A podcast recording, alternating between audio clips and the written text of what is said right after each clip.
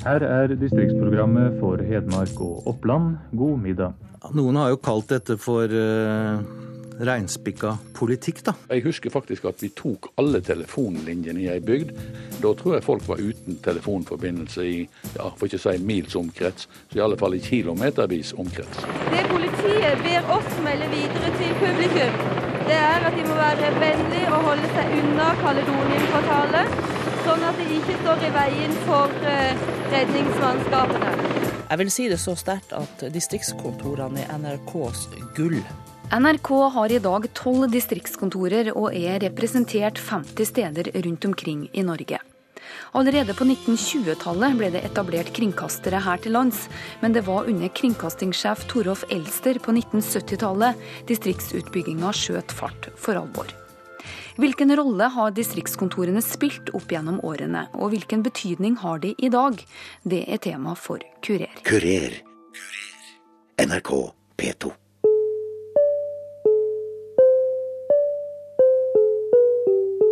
NRK hadde en uh, pause fra klokka 14 til 16, var det vel. Uh, da var det sånn tekniske prøver og litt konferanser og sånn.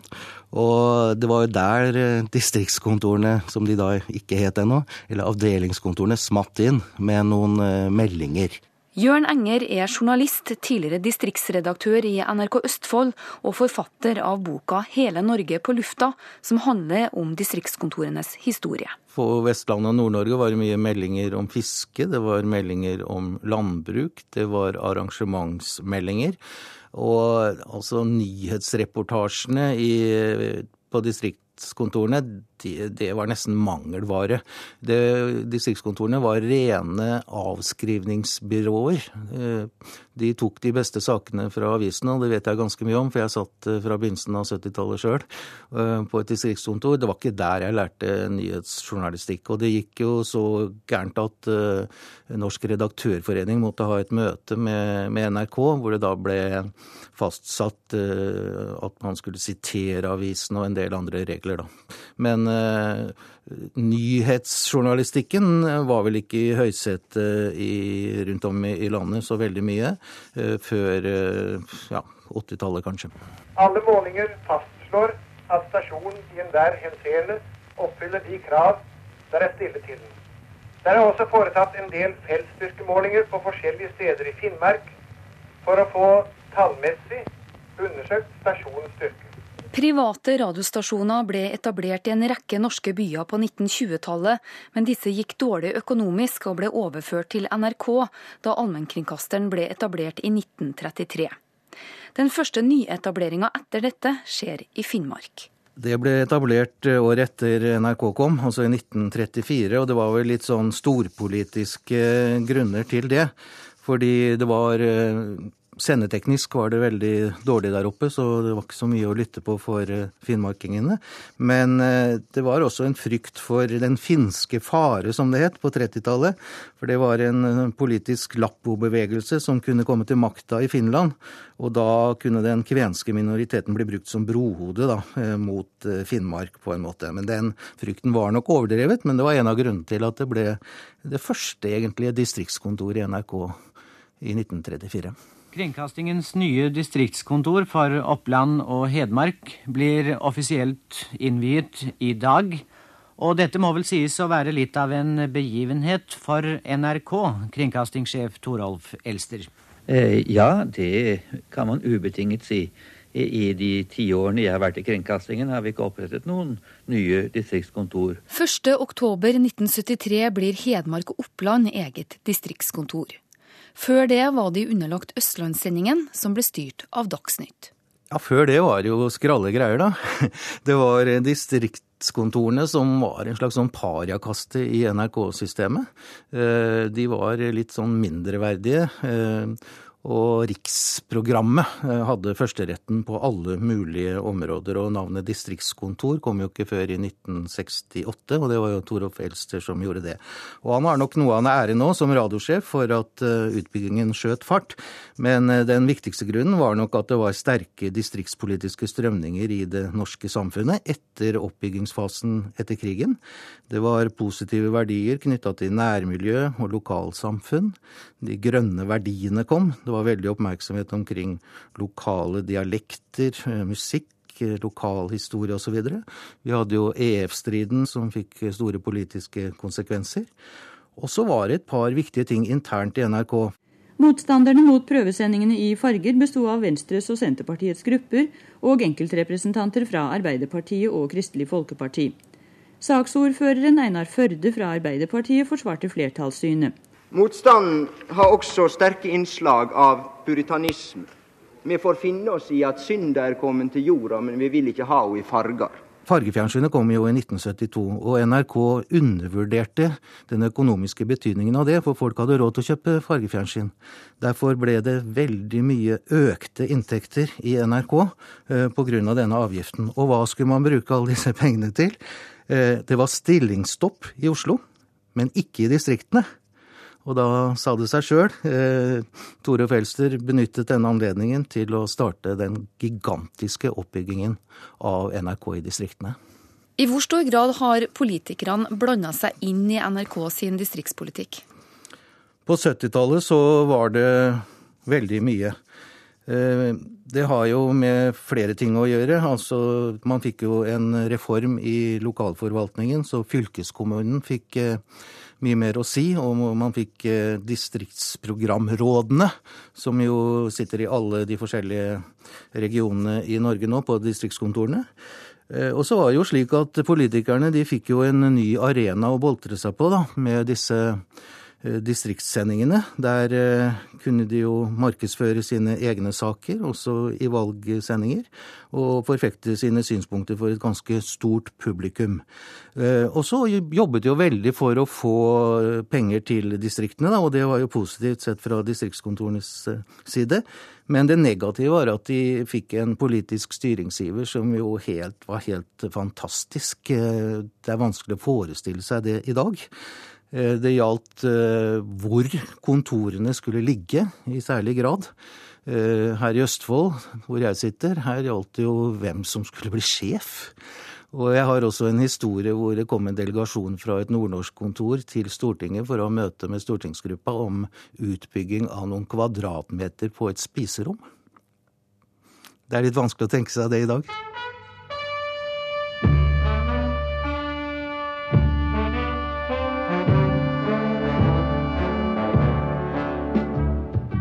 Her er distriktsprogrammet for Hedmark og Oppland. God middag.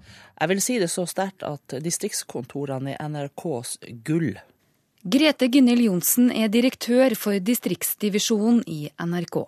I europeisk sammenheng så er vi stor utenfor hovedbølet, som i dette tilfellet er Marienlyst. Distriktsdivisjonen utgjør en tredjedel av NRKs totale bemanning. Vi er rundt 1100 mennesker plassert utenfor Marienlyst. Altså det er disse som tilhører da distriktsdivisjonen. Kurer. Jeg husker jo først og fremst de gangene vi var ute i distriktet og lagde sendinger. Det var jo gjevt og stort når NRK kom på besøk. Journalist Egil Thorheim begynte i NRK Hordaland i 1986, da allmennkringkasteren fortsatt hadde monopol. Nå jobber han ved et lokalkontor i Odda. Vi var til Voss, vi var til Ulvik, vi var til Norheimsund, Øystesø. Det var nesten så det var flaggheising. Og lokalaviser møtte alltid fram og skulle ta bilde både av artister som var med, av oss som var journalister og teknikere på stedet. Også Jørn Enger, som begynte i NRK på 1970-tallet, erfarte at det var spesielt å komme utenfor allfarvei. Ja, det var jo eh, omtrent 17. mai-tog det enkelte ganger. Eh, det er jo noen historier rundt omkring i landet, ikke så mye i Østfold der jeg jobba, da, men eh, hvor det sto barn på brygga og møtte reporteren som kom med båt, f.eks. Og skolene fikk fri noen steder når NRK kom på reportasje. Jeg merket jo også det. altså Vi hadde jo vi hadde jo NRK-skilt inne i bilen, og det var fri parkering. Kunne, kunne parkere hvor som helst, for det var NRK-reporteren som kom. Det er ikke akkurat sånn i dag? Det er ikke det.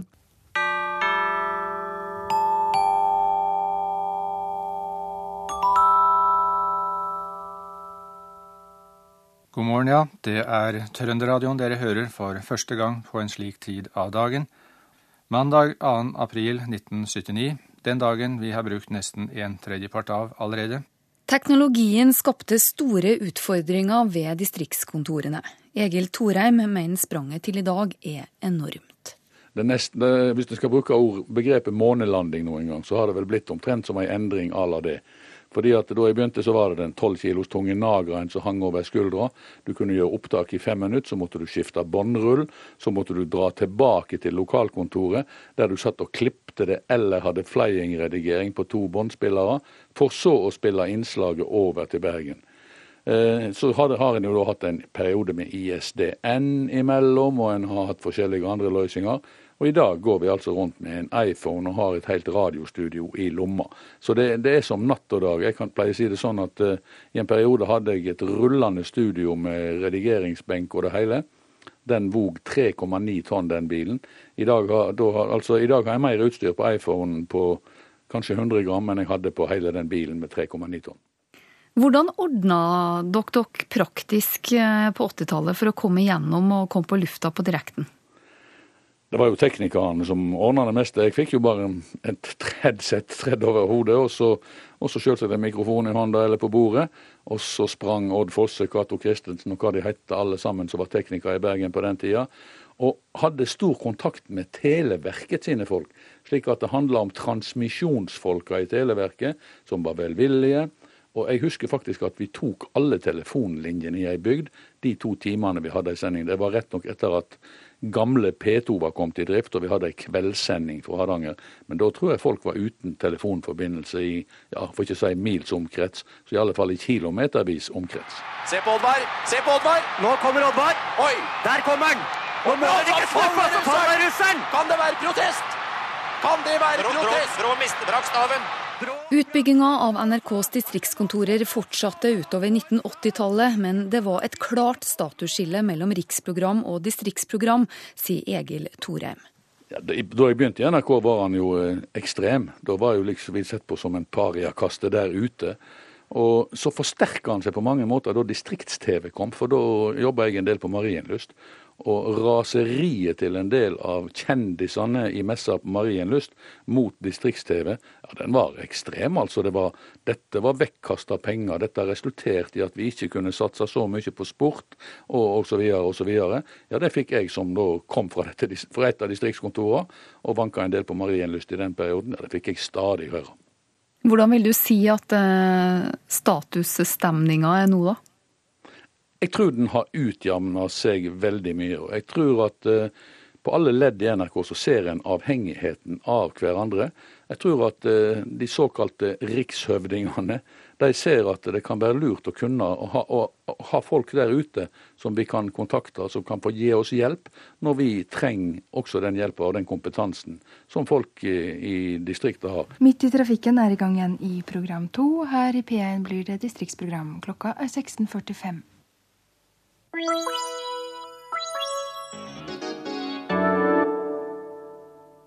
er NRK Nord-Trøndelag, som sender fra Lø i Steinkjer.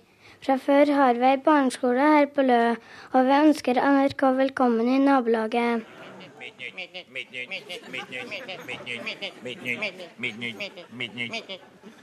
Her er Nytt Nytt. Først en gladsak. I Steinkjer vært i går dobbeltbryllup, hvor to søskenpar gifta seg med hverandre. Bård Tufte Johansen og Harald Eia harselerte med det folkelige distriktsprogramstoffet i programmet Åpen post rundt årtusenskiftet. Men distriktskontorene fikk etter hvert også en tydeligere beredskapsrolle ved store hendelser. Som i 1975, da 27 mennesker mista livet på 13 i Gudbrandsdalen. Jenny Halstein var øyenvitne. Vi sto nå ved bordet, vi skulle akkurat til å ete middagen, vi. Og så kom nå dette toget, og plutselig så smell det. Og så seig det opp en mørk røyk. Og vi ble nå stående og se på det der. I 1986 mista 14 mennesker livet i en dramatisk brann ved Hotell Caledonien i Kristiansand. Ja, Akkurat nå så er helikopteret på vei bort fra hotellet igjen, etter at de har eh, kretset eh, over taket her. og eh, Jeg har ikke fått sett om de har fått med seg personer, men det går jeg jo ut fra at de har. NRK Sørlandet sendte direkte radio fra brannen, og var på kvelden det første distriktskontoret som rapporterte direkte i Dagsrevyen på TV. Kurer. NRK P2. Vi har et spesielt oppdrag i P1. P1 er en nasjonal beredskapskanal. Eh, det betyr for vår del at når det er viktige hendelser i de ulike områdene, så står distriktsredaktørene fritt til å splitte seg fra eventuell rikssending i P1 for å sende mye mer lokalt enn det de gjør. Det har vi flere eksempler på. F.eks.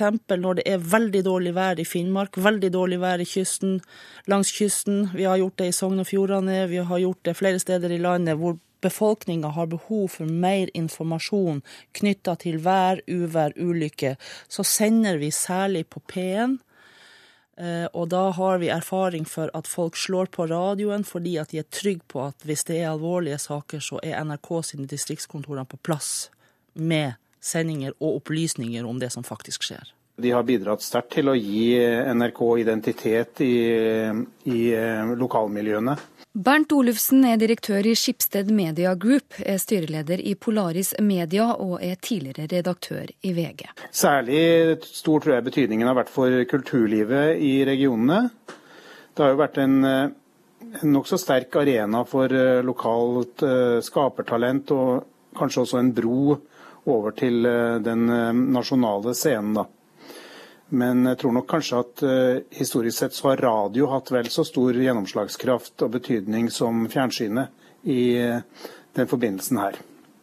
Anså du distriktskontorene som en konkurrent i dekning av Distrikts-Norge da du var redaktør i VG?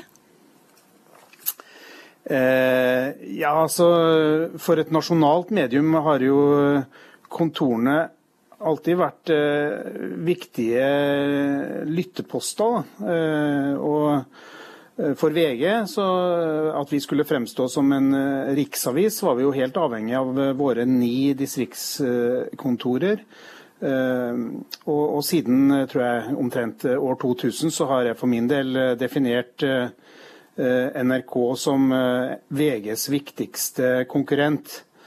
Men jeg må tilføye at jeg syns nok at eh, Marienlyst har vært ekstremt dårlig til å utnytte eh, kapasiteten og alt innholdet som ble skapt ved distriktskontorene.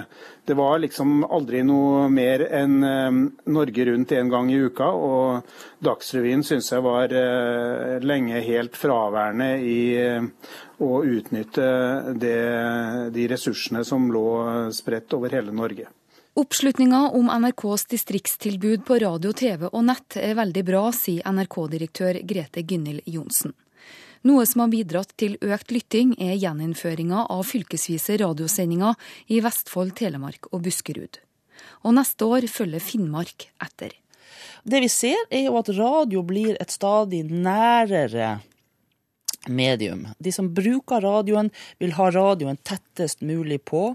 Og da har vi funnet ut at i områder som er geografisk og kulturelt ganske stor forskjell på, så har vi vurdert det dit hen at vi har behov for å ha egne sendinger for de områdene.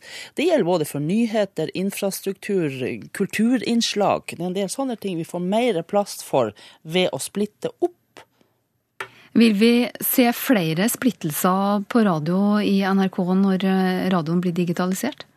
Vi har ikke planer om det riktige ennå. Vi har det på agendaen at vi skal gå gjennom det, men vi har hatt en liten runde på det, og det er ingenting som tyder på at vi kommer til å gjøre noe med det den nærmeste tida, i hvert fall. Den teknologiske utviklinga går raskt, og det er mye enklere å sende direkte både på TV, radio og nett enn før, og det er flere aktører, og teknologien er enklere å bruke. Vil det være behov for store distriktskontor i framtida? Ja, jeg tror jo behovet for lokal journalistikk vil bli enda viktigere i framtida. Og vi har jo nå eh, kjempemuligheter til å bygge opp nettsidene våre eh, med levende bilder og direkte tilstedeværelse. Vi kan rapportere fra, og vi kan streame kulturbegivenheter, vi kan sjøl lage debatter, som vi har gjort masse av i forbindelse med valgkamp. Men på sikt så kommer de lokale nettsidene våre til å fremstå som lokale fjernsynskanaler. Gunhild Johnsen er tydelig på at NRK må være til stede på nye og digitale plattformer med eget innhold for å ikke undergrave allmennkringkasterens framtidige eksistens. Men satsinga ønskes ikke velkommen av Bernt Olufsen. NRK er jo utvilsomt en viktig konkurrent, ikke minst eh, i eh, det digitale mediebildet som vi opplever nå. Og Derfor er det viktig at NRK og mediebedriftene rundt omkring i Norge har like konkurransevilkår. Eh, NRK må ikke få anledning til å bygge opp eh, identisk og konkurrerende virksomhet på statens bekostning, eh, som f.eks. lisensfinansierte nettaviser. Så det er nødvendig med en gjennomgang av rammevilkårene og finansieringen for NRKs virksomhet. Og det tror jeg vi får nå i årene som kommer. Hva slags tilbud mener du at NRKs eh, distriktskontorer bør kunne ha på nett? Eh, det eh, er viktig der, tror jeg, å ta utgangspunkt i det som har vært NRKs tradisjonelle produksjon og rolle i form av lyd og bilde. Og det er klart at NRK må også sikres en, en digital formidling av de, den produksjonen gjennom nettet. Men eh, det, det, kan ikke gis anledning til at eh, NRK bygger opp på nettet eh, direkte konkurrerende virksomhet på statens eller lisensbetalernes bekostning. Da må det være en annen finansiering som ligger til grunn. Hva slags rolle mener du NRKs distriktskontorer bør ha i framtida? Ja, Den fremtidige rollen må jo være å bringe gode og opplysende historier ut til offentligheten. Eh, men jeg er jo sterk tvil om eh, det, den lisensfinansieringen som, som, NRK har, vil eh, strekke til i så henseende i, i årene som kommer. Da må i tilfelle også NRK gå gjennom en omstillingsprosess med sikte på langt bedre utnyttelse av ressursene. Men som Eh, kulturinstitusjon, kulturbærende institusjon, så tror jeg det er viktig at vi opprettholder eh, NRKs tilstedeværelse også i distriktene i fremtiden. Der har NRK en veldig viktig rolle å spille. NRK har i dag tolv distriktskontorer. Eh, neste år skilles Finnmark ut sånn at det blir 13. I tillegg så er de representert altså 50 steder i, i Norge. Vil denne strukturen se likedan ut om ti år, tror du? Helt sikkert ikke. Eh, jeg tror eh, eh, det er nødvendig, som jeg sier, at NRK også på dette området går gjennom en, omstilling med sikte på bedre ressursutnyttelse og effektivisering. Men det er jo et tankekors at i den digitale transformasjonen som finner sted nå, så så tvinges alle medier til å gå gjennom behovet for sin representasjon i lokalsamfunnene rundt omkring. Eh, I noen grad erstattes jo det av eh, at vi får nye sosiale medier som, og nye medier som, som, gjør at innhold kommer frem til en nasjonal scene eller en nasjonal arena gjennom nettet. Og Det er jo et gode, men jeg tror det er viktig at vi i hvert fall Eh, opprettholder en viss eh, regional representasjon i de nasjonale mediene også i fremtida. Jørn Enger syns det er vanskelig å spå om distriktskontorenes framtid. Jeg tror jo alltid det vil være behov for, eh, for stoff fra distriktene. Nå har man jo nye plattformer, nye formater, som, som gjør at folk kan oppleve dette på helt andre måter. På, på på mobiltelefoner, på, på PC-en sin osv. Men jeg kan jo ikke forestille meg en, et NRK som ikke har eh, stoff som er tett innpå folk rundt omkring i eh, rundt omkring i landet vårt. Og dette med distriktspolitikk, det tror jeg aldri blir avleggs. Tror du vi vil ha en noenlunde lik distriktsprofil eller distrikts kontorplassering om 10-20 eh, år? Det vet jeg ikke, men eh, det jeg vet, er at, eh, og som jeg skriver til slutt i boka mi, det er at de fleste spådommer om hvordan distriktskontorene skal være i framtida gjennom historien, de har slått feil. Så jeg skal ikke våge meg på noen spådommer her. Selv om dagens politikere ikke blander seg så mye bort i NRKs distriktspolitikk som på 1970-tallet, går det ikke upåakta hen når allmennkringkasteren flytter på ressurser ved distriktskontorene. Altså, Vi gjør jo de valg vi mener at vi skal gjøre ut ifra hva som vi tror er strategisk riktig, men så prøver vi da å ha fokus på publikum. Og er jo glad for at politikere og andre mener noe om NRK, for den dagen de ikke bryr seg om oss, så har vi et større problem. Og vi vet jo at NRK er viktig. Det er viktig i kommuner. Vi har hatt noe som vi nå har kalt for en geografiprosess internt i divisjonen, hvor vi har sett på om vi er riktig plassert på de ulike stedene i landet. Det har ført til noen endringer. Og bare det å flytte én medarbeider fra en liten by i Norge til en annen like liten by i Norge medførte en haug med protester fra både regionråd og distriktsprogramråd og lokalpolitikere og folk flest. Og vi tar jo alle disse tilbakemeldingene på alvor, selvfølgelig, og jeg er jo faktisk begeistra for det at folk engasjerer seg i hva NRK gjør.